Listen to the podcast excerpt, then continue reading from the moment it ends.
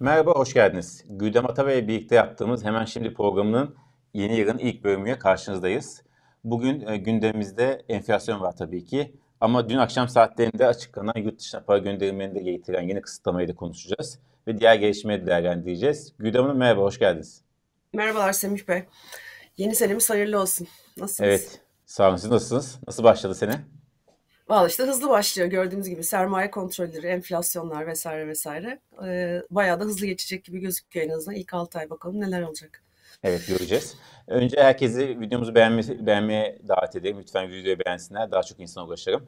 Kanalımıza üye olursa seviniriz diye dedikten sonra enflasyon geçeceğiz. Ama öncesinde dün akşamın sıcak gelişmesiye başlayalım. Ee, enflasyon geçmeden. Dün akşam saatlerinde bir Merkez Bankası banka yazı yani akşam saatinde akşam saatten ortaya çıktı. Artık bundan sonra yurt dışına 50 bin dolar ve üzerinde para gönderirken çeşitli kısıtlamalar getirildi. Esasında sermaye kontrolü genişledi diyebiliriz. Nasıl yaklaşıyorsunuz bu karara? Hani rezerver düzeliyordu, işler yolunda gitmeye başlamıştı, toparlanıyorduk. Neden böyle bir şey ihtiyaç duyuldu? Dün başka bir veri daha açıklandı. 2022 yılının bütün işte dış ticaret detaylarına girmeden o rakamlarda dış ticaret açığının 110 milyar dolara çıktığını öğrendik. Dolayısıyla böyle bir dış ticaret açığı zaten belliydi hani gidişat o yöndeydi. E, Merkez Bankası rezervleri yok. Swaplarla işte borçlanarak ittire kaktıra yürüyorsunuz. Kuru baskı altına tutmaya çalışıyorsunuz. Her şeyi kontrol altına almışsınız. Bir taraftan işte o dediğimiz eş dost parası geldi geliyor geldi geliyor gelmiyor gelemiyor. E, dolayısıyla durum bu. Tabii ki böyle bir e, zorunluluk doğuyor. Eğer bu yanlış politikalarda devam edilecekse. Şimdi bu bu e, çok tabii sık zorlayıcı bir durum. E, hem sistem açısından hem bankalar açısından. En ufak bir kriz, oynaklık anında buradaki en büyük risk e, böyle bir sermaye kontrolünün daha da artacağından korkabilecek en azından döviz mevduatı sahibinin ya da döviz sahibinin gidip ya kardeşim ben bunu madem çıkaramıyorum elime alayım e, evimde oramda işte kasada orada burada dursun demesi. Hani buralara kadar kapıyı açan çok çok e, riskli bir hareket. E, ama hani işte bu şekilde yönetiliyoruz sonuçta çok da fazla diyecek bir şey yok. Aylardır göstere göstere geliyor çünkü bu. Bu ikinci paragraftaki kısım iptal edildi deniyor. Ee, yani yurt dışı emanet satmanın Viman yolu yapılacak menkul kıymetler, Eurobond, özel sektör tahliye gibi transferler durduruldu, iptal edildi söyleniyor. Ben teyit edemedim. Sizde ben de edemedim. Ee, yani net bir şekilde gelmedi. Bakın bu bugün zaten kendini belli eder. Ama buradaki sorun e, hani şeyi hatırlıyorum. Faizleri çok e, yüksek tuttuğumuz, enflasyonla mücadele ettiğimiz dönemde aşırı sermaye girişlerinin e, işte TL'yi çok değerli bir seviyede tuttuğu bir eleştiriydi. İşte o yüzden dış ticaretteki dengesizlikler, genel makroekonomik dengesizlikler oluştuğu söylendi. Bu 2001 herhalde 2010 dönemi özellikle. Şimdi o dönemde yapabilecek sermaye kontrolleriyle ya da sermaye yönetimi, o sermaye girişin yönetimiyle bu e, gördüğümüz sermaye kontrolü birbirinden çok farklı nitelikte. Onu belki biraz vurgulamak lazım. Birinde mesela giren çıkan sermayeye ya da girene değil de çıkmaya yöneldiğinde bir vergi oranı koyarak o hareketler yumuşatılabilecekken bugün bize konan tamamen e, ya döviz rezervi yok mesajını veriyor. E, çıkarırken bize haber verin 50 bin doların üstüne çıkarmayın. İşte tartışıyoruz o madde var mı yok mu bunlar net değil. Dolayısıyla bunlar aslında hani aylardır konuştuğumuz yanlış para politikası, çoklu faiz politikası, e, işte finansal piyasaların giderek kontrollü hale getirilmesi, bu arada rezervlerin çoktan yakılmış olması, böyle bir döndürme mekanizmasının oluşması, TL üzerinde işte baskı oluşacak, neden oluşacak? Bunu bertaraf etmek için ya faiz artırılacak ya e, işte sermaye kontrolü de, derinleştirilecek diyorduk. Demek ki sermaye kontrolleri e, derinleştirme yönünde ilerliyor hükümetimiz. Emi Yıldız e, isimli seyircimiz, izleyicimiz e, sorduğu soru şu ikisi aktarıyorum. Sermaye kontrolünde adım adım başka ne olabilir? Esasında biraz söylediniz ama e, bundan sonra şimdi bunu geçti. İşte Eyüp'ün bunun seviyesi mi düşüyor yoksa içerideki e, döviz hareketleri mi önlenmeye çalışıyor? Bundan sonra ne yapabilir sizce? Diye adım nedir bundan sonraki adım? Giderek sertleşebilir. Şimdi seçime kadar bunu beklememek lazım ama seçimde bu iktidarın kalması ve bu politikaları işte biliyoruz, görüyoruz. İşte büyüme, istihdam odaklı, cari fazla vallahi bir gün vereceğiz. İşte dünyada barış geldiğinde gibi politikalarla ilerlediği sürece e, ve rezervleri bu şekilde kullandığı sürece bu sermaye kontrollerin derinleşmesi gerekecek.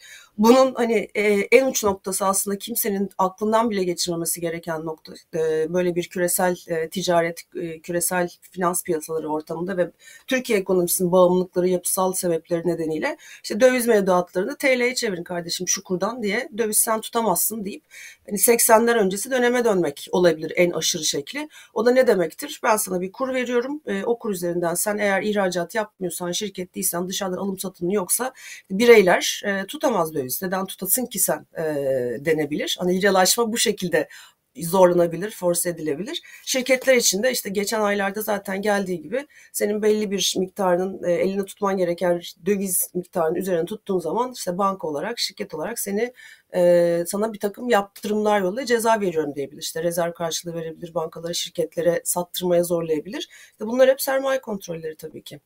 Peki size başka bir soru. Bir, el sıkışıyor böyle finans piyasalarının üzerinde. Evet, yayından önce size konuşuyorduk. Şimdi çok önemli bir haber esasında. E, zaten e, ekonomistlerin birçoğu hemen paylaştı, hemen üzerine yorum yaptı. Ama nedense ha, ekonomi siteyi olmak üzere, başta olmak üzere isim vermeyelim. Berin oldu. İsimleri zaten 2-3 tane var. Bir daha USA, e, bizim gibi daha e, mütevazi değil, daha ulusal çapta yayın yapan e, ve aynı zamanda tabii ki işte ana akım, her türlü medyanın ekonomi sayfanın hiçbirinde bu haber yok.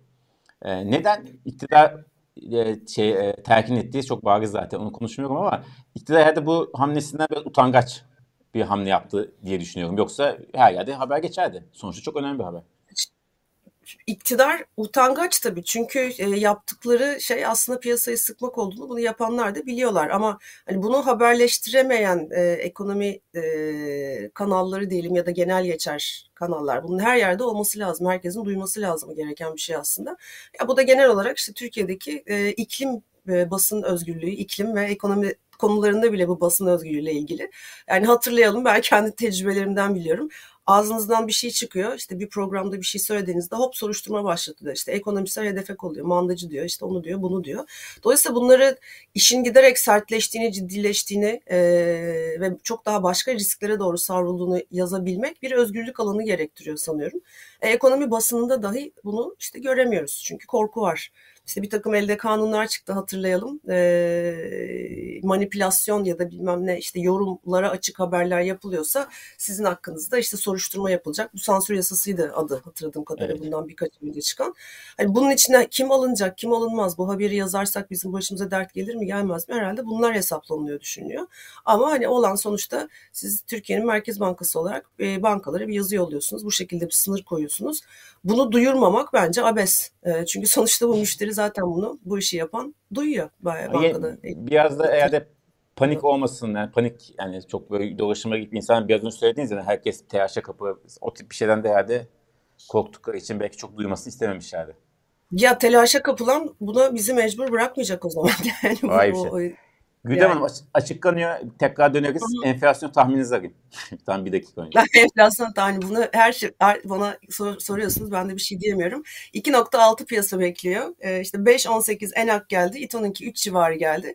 Muhtemelen 2.5 civarı bir şey açıklanır. 2.3, 2.5 TÜİK verisi de herhalde.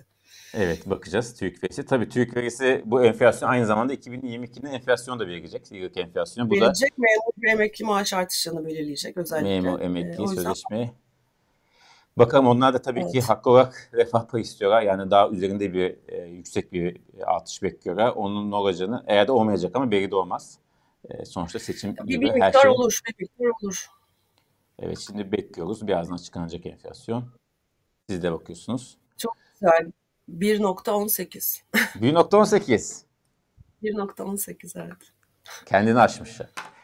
Kendini aşmışlar. Yıllıkta 64.27'ye indi gerçekten. Ee, Gerçekten şimdi detaylarına bakalım. Hani buna evet. yorum yapmak ne kadar anlamlı. E, ne hissettiğimiz, ne gördüğümüz işte diğer açıklanan İstanbul Ticaret Odası ve ENAK elde veriyken şimdi açılıyor yavaş yavaş da biraz yavaş açılıyor.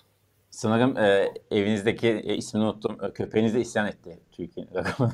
Havama Evet. O da, o da diyor ki mama fiyatları böyle mi artıyor kardeşim diyor. Ee, Seneye 64, en yakın 100, 100, 137.55. İTO'nun 92.97 idi seneye 2022 enflasyonu. Ee, %60 kaç dediniz? Ben göremiyorum şu anda. Benim düşmedi. 64.27 benim de karşımda. Yarısından Detayları az. ben de açamıyorum şu anda karşımda. Ancak açmaya çalışıyorum tabii ki. İTO ile herhalde e, arasındaki fark tarihin en yüksek seviyesine çıktı değil mi? En yüksek seviyelere çıkmış olsa gerek. Evet. Çek, çekirdek e, senelik Aralık'ta e, %51.93 artmış. Çekirdek tüfe. Çekirdek hangisi? B mi C mi?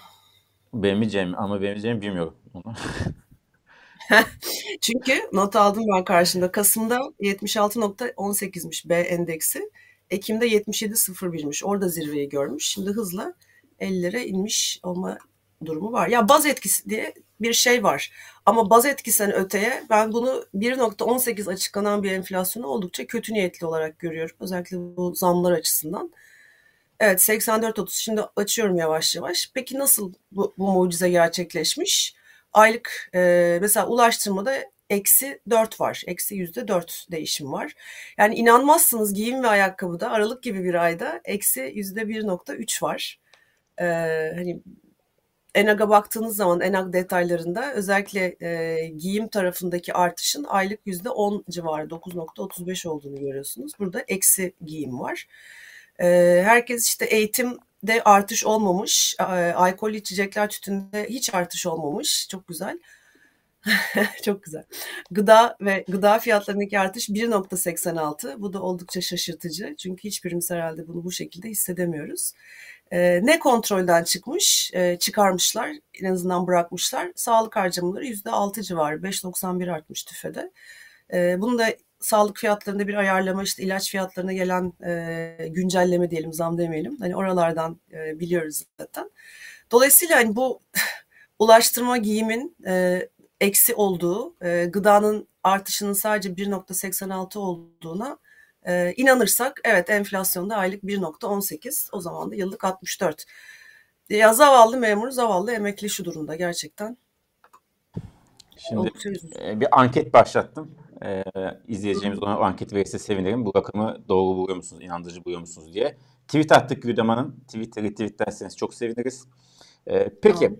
şimdi enflasyon, e, bu dediğiniz sadece baz etkisi değil. Yani sadece baz etkisi bunu açıklayamayız. E, burada bir tutarsızlık, evet, burada bir tutarsızlık var dediniz. Seçime giderken ya da bu tutarsızlık artacak. E, ve enflasyonun çok üzerinde bir zam yapıldığı, işte insanların refah seviyesini arttı, alım gücünü arttığı propagandası evet. yapılacak. E, biliyorsunuz marketler üzerine zaten bir baskı var. Fiyat sabitleme üzerine.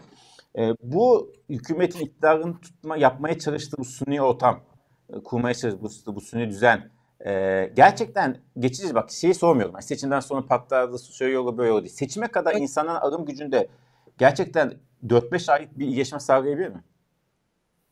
Ya sağlayamaz.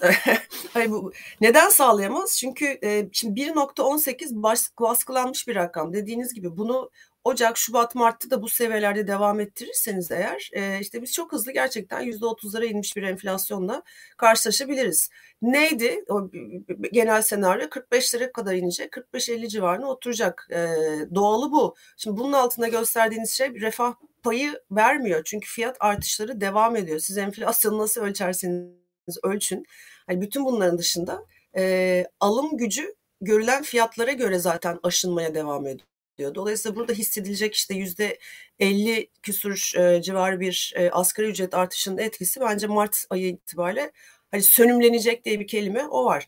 Şimdi burada yaklaşık yüzde 15, 10, 10, 16 civarı bir 6 aylık kabaca şimdi hesaplamadım karşımda ama e, tüketici fiyatları enflasyonuyla karşılayız, karşı karşıyayız. İşte memur ve emekliye onun üstünde Allah aşkına 10 puan refah payı verelim. 16 değil 26, 25 verelim. %25 artsın onun refah değil o zaten açlık sınırı altında kalıyor hala ortalama ya da en alt e, memur ya da emekli maaşları. Dolayısıyla hani burada bir refah artışı bir oy devşirilmesi böyle bir sanal e, enflasyon baskılamayla bana çok zor gözüküyor. Hani olursa şaşırırım. Ama tabii bu meydanlarda kullanılacak. Bakın faiz indirdik, enflasyon düşmeye başladı. İşte mücadelemizi verdik. Bundan sonra bize oy verin. İkinci yüzyılda mücadelelerimize devam edeceğiz denecek bu şekilde. Ses şeyde tweet atmış. Hükümetin enflasyon tahminini TÜİK tutturmuş diye e, tweet atmış. Kim atmış onu? Uğur Gürses. Uğur Gürses yazmış. Güzel söylemiş evet. Evet. evet. Peki e, şimdi Tabii soru... değil mi onun şeyi e, sene sonu beklentisi. Evet. evet. evet. Gerçekten. Şey, e, peki e, şimdi İTO arasındaki fark çok açıldı diyoruz. E, zaten enak zaten e, baş, bambaşka bir farkla geziyor. İki katını iki katın geçti arasındaki fark. E, bu, burada şimdi biz bu veri de düzeltecek miyiz seçimden sonra değişik olursa? Yoksa bu veri üzerinden daha, yani çünkü seyret komple bozulmuş oldu uzunca bir zamanda. Ya usta istatistik, istatistikçiler bunun serinin bazı yılını değiştirir bir şekilde. E, hani işini doğru yapmaya çalışanlar o şekilde bence doğru hesaplar e, girer ya da e, hani başka türlü böyle geçmişe dönük serilerde bir düzeltme gelir mi? Herhalde bu saatten sonra gelmez. Ama hani umalı, umarım umalım ki bir iktidar değişimiyle birlikte böyle işte finans piyasalarının etkileyen, insanların hayatlarını etkileyen bu tip e, makroekonomik verilerin açıklanması en azından o noktadan sonra gerçekçi olur. E, işte ABAL döneminde işte enflasyonu biraz daha ölçerek gerçeğini açıklayan e, TÜİK başkanlarında işte birim başkanlarının, TÜİK başkanlarının neler olduğunu gördük. Ee, hani o, o, o düzen değişirse geçmişi belki düzeltmezler ama en azından o noktadan sonra veriler doğru düzgün açıklanır hale gelir diye önce, biraz önce bahsettiğiniz memur maaşlarını. Şimdi herkes bunu bekliyor dediğiniz gibi. E, altı numara bir tablo var. E, Twitter'dan aldık. Kimden aldık? Siz göndermiştiniz o yüzden unuttum. Aziz Çelik, Aziz Hoca'nın. Aziz Hoca'nın. E, şimdi geri e, bekleyelim. Evet geldi. Memur maaşı evet. enflasyon 2012-2022 kıyaslaması. Kaç, kaç kat arttığını gösteriyor. E, şimdi bir memur veya emekli bu tabloya baktığında bizim yayınımızı izliyorsa ne anlamı bu tablodan? Kısaca özetler misiniz? Tablonun üstünden gidelim sıra sıra öyle anlatalım. En düşük memur maaşının arttığı kat son 10 sene içinde 4.7 e, kat yükseltilmiş. Ortalama memur maaşı aşağı yukarı ona yakın 4.8 kat e, yükselmiş. Bu arada işte TÜFE endeksindeki artış 5,5 kata çıkmış. Sadece gıda endeksindeki e, artış 7.2'ye çıkmış. E, kişi başı gayri safi milli hasılaya geçelim onu ama burada şu anlatıyor bize. Yani memur aldığı e, maaş artışları sürekli bir şekilde istikrarlı bir şekilde enflasyonun altında kalmış. Yani alım gücü erimiş. Aldığı para kuşa dönmüş. E, dolayısıyla bu, bu bunu yansıtıyor bize. Bir de bunu yanına asgari ücretteki artışla da koyabilirdi hoca ki bu karşılaştırma da çok güzel yapıyor. E, başka zeminlerde ben dinlemiştim kendisini. O zeminde de asıl asgari ücret artışının enflasyona yakın tutulduğundan e, bahsediliyor. Açlık sınırı vesaire tartışmıyorum. Yani o çok ileri hızla giden bir veri ama memur maaş artışlarının özellikle asgari ücretin altında tutularak bunun bir te- politika tercihi olduğundan bahsediyor ki çok doğru. Dolayısıyla burada e, kaybediyor memur. şey Ve emekli, tabii, emekli kaybediyor. Tabii burada iki şey soracağım. Kalsın tablo arkadaşlar biraz onun üstüne bir şey soracağım çünkü. Birincisi e, tabii bu tüfe oranına göre. E, Enek'i geçtik. İto'ya göre bir kıyaslasak buradaki tablo çok daha feci çıkacak. Onu söylemek çok lazım. Çok daha feci olur. Yani 2022 ile 2022 arası 2012, 2013, 14, 15, 16, 18, 20'ye kadar İTO ile TÜİK arasında bu kadar büyük makas yok. Dolayısıyla bu şu andaki resim böyle 10 senedir bu böyledir diyemeyiz. Ama son birkaç senedir oluşan makas özellikle gıda fiyatlarındaki farklılık e, İTO endeksi ile TÜİK arasındaki bu fakirleşmenin çok daha derin olduğunu gösteriyor. Bu, bu e, özellikle İTO enflasyonu İstanbul enflasyonu olduğunu düşünürsek yani İstanbul'da yaşayan memurlar neden terse göç başladığını hani memurlardan tutun da hani halk herkese kadar bunu anlatıyor zaten. E, kaybediyor sabit gelirli Türkiye'de sürekli. Bir şey daha soracağım. Şimdi memur maaşı enflasyon endeksi değil mi? Nasıl enflasyon altında kalıyor? Memur şimdi en düşük memur maaşıyla yapılan işte kat sayılar aylık kat sayısı da var burada. Dolayısıyla onun altında art, artıyor ama geriden geldiğini hatırlayalım. Dolayısıyla hmm. onun altında kalabiliyor. Evet, yani mesela geriden. bugün de yani bugün özellikle enflasyon işte yüzde 16 civarı 6 aylık ise e, yapılacak yüzde e, o, eğer 16'da tutulursa 1-2 puan refah payı verilirse bu zaten e, aşılmış oluyor bile. Evet. Arkadan gelen bir e, düzenleme olduğu için. Evet şimdi şimdi bir memur ve emekli izliyor. Bunu alabiliriz arkadaşlar.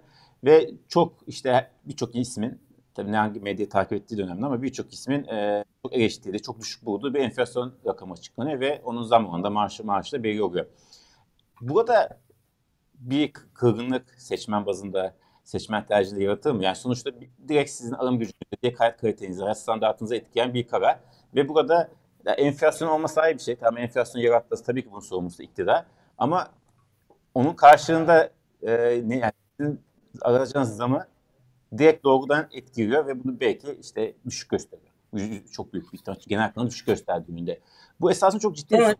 seçmen yani çok memur ve iktidar için arasındaki ilişki için. Tabii tabii. Yani işte zaten anketler neyi gösteriyor? Böyle bir düzen e, sebebiyle son iki buçuk senede AKP'deki oy kaybının yüzde on beşler civarında on iki buçuk çeşitli anketlere göre yüzde on beşlere vardığını gösteriyor.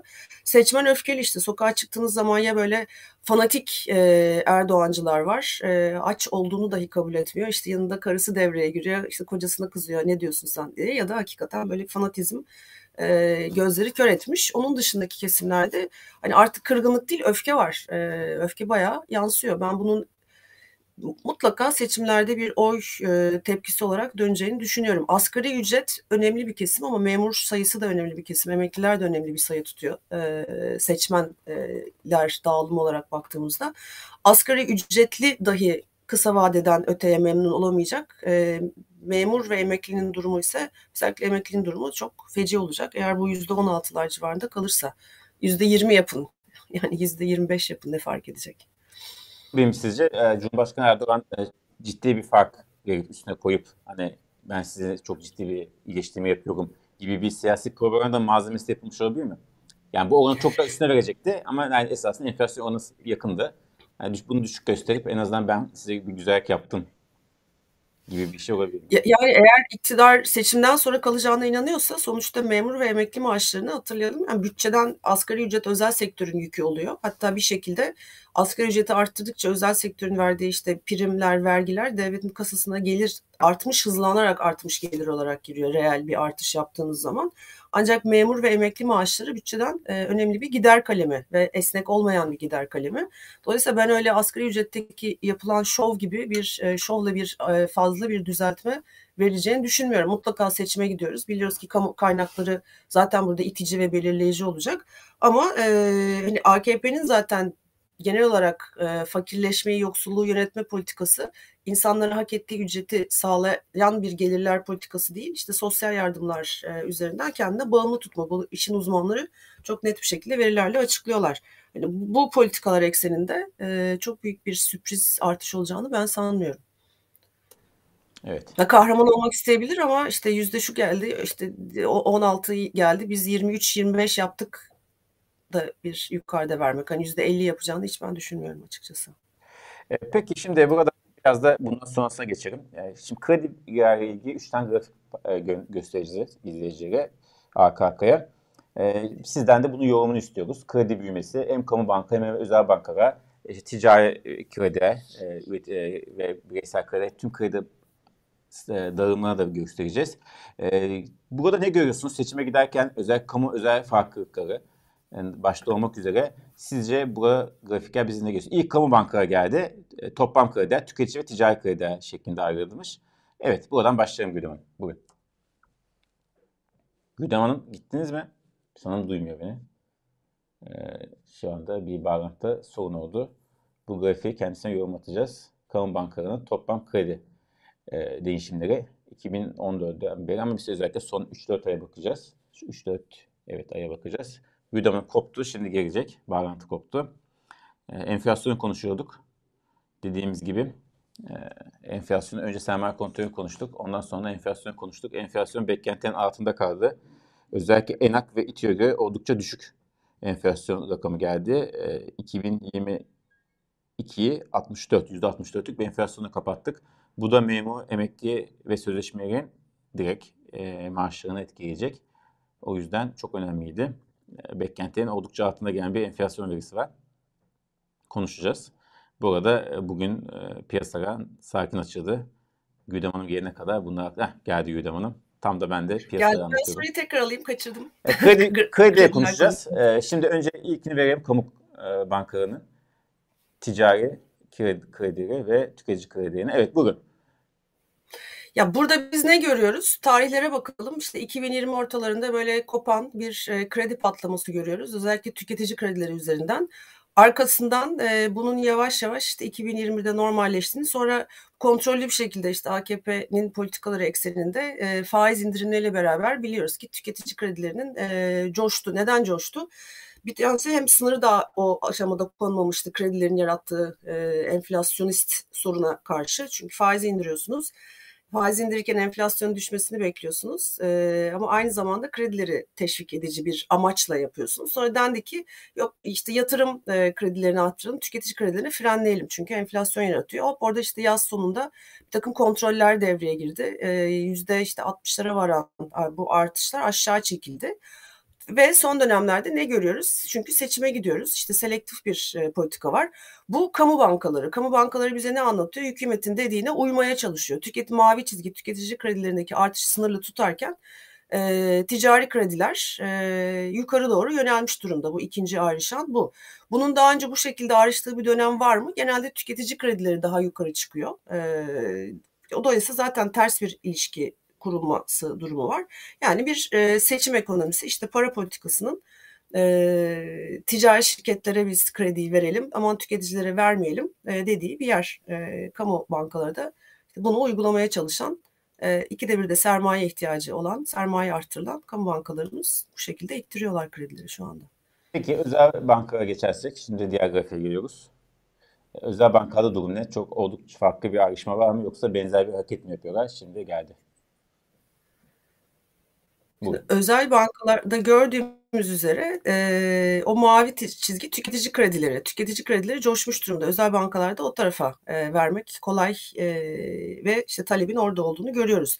Neyi vermiyor? Vermekte çekimserler özel bankalar. Ticari kredileri vermekte çekimserler. Çünkü e, şirketlerin durumu, şirketlerin bu ticari kredileri e, yatırım için mi kullanacağı, işletme sermayesi olarak mı kullanacağı, işte gelinen e, bir takım cezalar ya da bu faizlerle bu kredi faizleri bu şirketlere verip de seçimden sonra faizlerin yükselmesi gibi riskler, tahvil faizleri bunların karşılığında işte mevduat kredi dengeleri içinde faizlerin seviyesi bankaları kendini korumaya itiyor. E, ve diyorlar ki işte bu kadar düşürülmüş, baskılanmış, şu seviyeye geçemez denen ticari kredileri ben vermiyorum kardeşim, vermek istemiyorum diyor birkaç öncesindeki çok hızlı artışın ötesine. Arkasından da biz işte özellikle yaz sonundan itibaren tüketici kredilerinin özel bankalarda e, koparak arttığını görüyoruz. Baya neredeyse hani işte 2014'ten beri olan serideki en hızlı e, yükseliş, en yukarılara çıktığını görüyoruz. Bu da bir dengesizliğe işaret ediyor aslında hani bu tüketimi besliyor, işte büyümeyi belki besliyor, işte insanların borçla döndüğünü anlatıyor. İşte enflasyon çok yüksekken ve karşısında koruyamazken parasını ucuz krediyi hala enflasyon göre ucuz krediyi gidip bankadan alıp e, tüketim ihtiyacını karşıladığını gösteriyor. Yani Türkiye ekonomisinin ne kadar dengesizleştiğini böyle tek bir para politikasının yanlışıyla başlayan sürecin her şeyi ne kadar bozduğunu izliyoruz biz bankalardaki bu kredi ayrışma durumundan. Teşekkür ederiz. Ee, üçüncü grafik ikisi toplama, toplamaydı zaten. O yüzden tekrar göstermeye gerek yok. Ee, geldi. Kamu ve özel banka üst üste. Yani bir iki, iki, biraz önce iki grafiğin birleşimi zaten. Şimdi Güldem evet. Hanım, madem e, faizi düşürdük ve enflasyonu düştü. O yüzden tebrik Hı-hı. ediyoruz. E, bu sa- sağlanmış oldu. O zaman %9'da kalmasın. Madem bu kadar beklentinin de ötesinde bir düşüşe kapattık enflasyonda seneye bu, bu politika tuttu. O zaman neden %9? Ya bence de Hodri Meydan sıfır çekelim. Bunu yazan artık iyice e, sinirlenen ekonomistler ben de dahil dönem dönem birçoğumuz yazdık. Yani neden 9'da kaldık? Neden işte NAS vardı, o vardı. Madem başarılı işte enflasyon hızla aşağı geliyor. Daha da aşağı çekin diye. Ama o iş o kadar kolay değil işte. Bu işi yaptığınız zaman arkasından sizinle yayın başında konuştuğumuz gibi sermaye kontrollerine kadar ilerlemeniz gerekiyor. Acayip bir dengesizlik yarattınız. E, döviz ihtiyacı yoğun olan bir ekonomide bu şekilde bu faiz politikasının TL üzerindeki baskılarını yokmuş gibi yapmak için uygulanan rezerv politikasıyla işte swapla borçlan oradan sat oradan al e, sermaye girişi olmadığı hukuksuzluktan başlayarak bütün bu ekonomideki düzensizlikler sonucu kaliteli yabancı sermayenin gelmediği yerde işte o %9'un altına indirmek biraz e, cesaret istiyor bu saatten sonra. o zaman kapı tekrar şu soruyu soracağım. Zaten bu soruyu muhtemelen seçimime kadar geçen sürede belki de her programda veya bir iki programda bir hemen hep soracağız. En çok merak eden o. Şimdi Erdal Sarım en son yayında dedi ki şey e, seçim sonucu ne olursa olsun e, bir e, ekonomi politika değişecek. Yani bildiğimiz klasik ortodoks politikaya döneceğiz. Faizler artacak demek bu aynı zamanda. Enflasyonla mücadeleye başlayacak gerçek anlamda. E, Meyerin işte biliyorsunuz bir geçenlerde bir not paylaştı. 35-40 bandında bir e, faizin o banta çekilmesini bekliyor. Sizin beklentiniz ne? Yani gerçekten e, faiz iktidar kim olursa seçimden bağımsız konuşuyorum. Faizler bu kadar Türkiye'de yükseltir, yükseltilebilir mi bu noktadan sonra ve yükseltirse ne olur?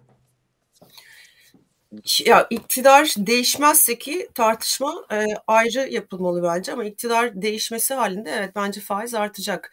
E, sinyallemeyle hani kademeli bir şekilde hani bir gecede %9 %35'lere 40'lara çekilmeyecek ama kademeli bir şekilde faiz artışlarıyla bu büyük yaratılan dengesizlik özellikle son iki aydaki normalleştirilmeye çalışılacak.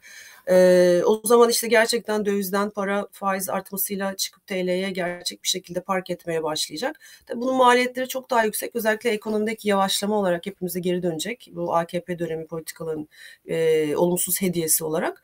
E, ama bu yapılmak zorunda. Bu işten başka şekilde bir çıkış yok. Ama bu faiz artışı kademeli olacak. Bunların gerçekleşmesiyle işte iktidar değişimi, sermaye girişi, iyileşen beklentiler AKP döneminde elde edilemeyecek bir gerçeklik zemininde o zaman işte enflasyon düşmeye başlayacak ve e, işler bir vadeyle yoluna girebilecek. Hani ondan sonra bölüşüm sorunuyla uğraşmaya başlayacak tabii ki hükümet. Ama e, AKP'nin iktidarda kalması bu politikaların devam etmesi halinde ben faiz artışı beklemiyorum. Herhalde bu sermaye kontrolleri göstere göstere gelen biraz daha sıkılaşacak. E, ne yazık ki yani oraya doğru gideceğiz. Bundan da şüphem, şüphem bence yok. Hani ne olabilir? E, AKP kalırsa iktidarda politika değişikliği belki maliye politikasını kullanma biçimi olur. Bu kadar işte sene başında yapılan harcamalarda bir ikinci yarıda frene basılır. Hani oradan bir en azından enflasyonist baskıyı azaltma çabasına girilir. Daha önceki seçimlerde aynı şey yaptılar. Ama bu para politikasından dönüş yok. Yani e, o hani o o o bindik bir e, alamete gidiyoruz kıyamete bu iktidarın bu politikasıyla. Bu da kolay kolay bence değişmeyecek. Evet. Duvara çarptığı Evet, Ali Murat Bey ve Arıcan e, Bey de bu, bu anlamda sorular sormuş. Hatta Aycan de, demiş ki sorunumuzun yüksek faizli ortamda olup resesyona girmemiz bizi yani yüksek faizli ortamda resesyon bizi kurtarır mı demiş. En de sonunda Aynen. güzel. Ya enflasyon açısından biz şey, enflasyonun yüksek yani işte Powell'ın Fed'in e, yaptığı açıklamalarda en önemsediği yani burada duyulmasını benim istediğim cümle enflasyon yüksek olduğu yerde büyüme de kaliteli olmaz ve kalıcı bir şekilde istikrarlı sürdürülemez. Hani istihdam piyasasının eninde sonunda bozmaya başlar. Dolayısıyla gerçekten enflasyonla mücadele etmeden, enflasyonu biz düşürmeden ki bunu yapmak mümkün, hızlıca bir şekilde yapmak da mümkün. Dünyada da şu anda izliyoruz zaten. Ee, hani o, o, o, o maliyet ödenecek. Bunun artık başka kaçarı yok. Ee, ama arkasından gelen daha istikrarlı, daha kaliteli, daha herkesin hissettiği bir büyüme dönemi e, olacaktır. Hani bunu yapmak için de işte o kısa vadedeki bedel ödenecek ne yazık ki. Çünkü işleri bozan, bu kadar bozan AKP oldu. Tabii maliyetin altını söylemek lazım her geçen gün. Ayı Babacan da e, biliyorsunuz ilk yani yaklaşık bir buçuk sene önce falan 6 ayda tek haneye düşürürüz diyordu. Ee, geçenlerde 2 sene demiş. Geçti. Evet. evet iki sene geçti demiş. Birçok ekonomik kurmayı da muhalefetin farklı partilerdeki aynı şeyi söylüyor. Yani bundan 6-7 ay önce söylediğimiz gibi değil hatta belki de daha çok daha kötü olacak. Kimse öngöremiyor tabii ne yapılacağını tahmin edemeyeceği. Yani. Tabii tabii şeyleri falan bilemiyoruz. Mesela kitlerin işte sermaye durumlarını işte Türkiye Varlık Fonu'nun altındaki e, yani kamunun durumunu gerçekten bilemiyoruz. Döviz e, ihtiyaçların döviz açıklarını ara sıra haberler çıkıyor ama çok şeffaf değil. Aynı şekilde kamu bankalarının kimlere ne kredileri verdiği, bunlar ne kadar geri dönüşünün olduğu. Gerçekten hani az önce şakayla konuştuk ama bu sermaye artışı ihtiyaçların temelinde nerelerden kaynaklandı bunlar şeffaf değil. E, dolayısıyla bunlar da ortaya çıkınca işin maliyeti biraz daha ciddileşecek bence iktidar değişiminde. Evet. Bir de şey var tabii ki gündemde. Böyle mesela işte sermaye kontrolü götür, onu bunu getiriyorsunuz. Bunların hepsini aynı anda normal geçtiğinizde de bir kaos oluşabiliyor. O da bir sıkıntı. Yani her şeyi bir anda yine eskiye döndürürseniz sonuçta piyasanın da alınan pozisyonlar var. işte herkesin bir alışkanlığı var. Bir anda her şeyi bir de değiştirmek de kolay değil. Sonuçta o da kademe olmak zorunda. O yüzden vakit alacak maalesef. Tabii tabii. Mesela şimdi bu hareketleri yaptığınızda bu gördüğümüz borsadaki hareketler en azından bu faiz artışıyla burası tepe taklağa dönecek. Şimdi bunu da belki e, vurgulamak lazım. E, ama hani onun ötesinde dediğiniz gibi şimdi finansal piyasalarda uygulamalar var, karşılıklar var. İşte bankalara bu çok düşük faizlerle zorla satılan e, sabit e, getirili tahviller var. Bütün bunlar stok olarak duruyor bankalarda ve büyük riskler. Şimdi burada belki o bonolarda bir swap yapılması gerekecek e, gibi bir, bir, bir sürü böyle kademeli şekilde aşılması gereken sorun var. Hani daha önce işte Sayın Babacan'ın söylediği gibi 6 ayda belki aşılacak bu şeyler öyle bir kör düğüm haline getirildi ki bir yumak haline getirildi. E, artık kısa vadede aşılamayacak o kadar kolay kolay. Ne yazık ki. Evet. Göreceğiz. Hepsini takip ediyor olacağız zaten sizinle. Çok teşekkür ederiz. Senin ilk yayını yaptık. Ee, Ben bundan teşekkür sonraki ederim. yayınlarımızın e, daha hoş gündemlere olmasını diliyoruz. Çok teşekkür ederiz. Haftaya görüşmek üzere. O, o zor biraz ama işte bu 6 ayda bakalım neler göreceğiz. Evet. Görüşmek üzere. Sağ olun. Kendinize iyi bakın.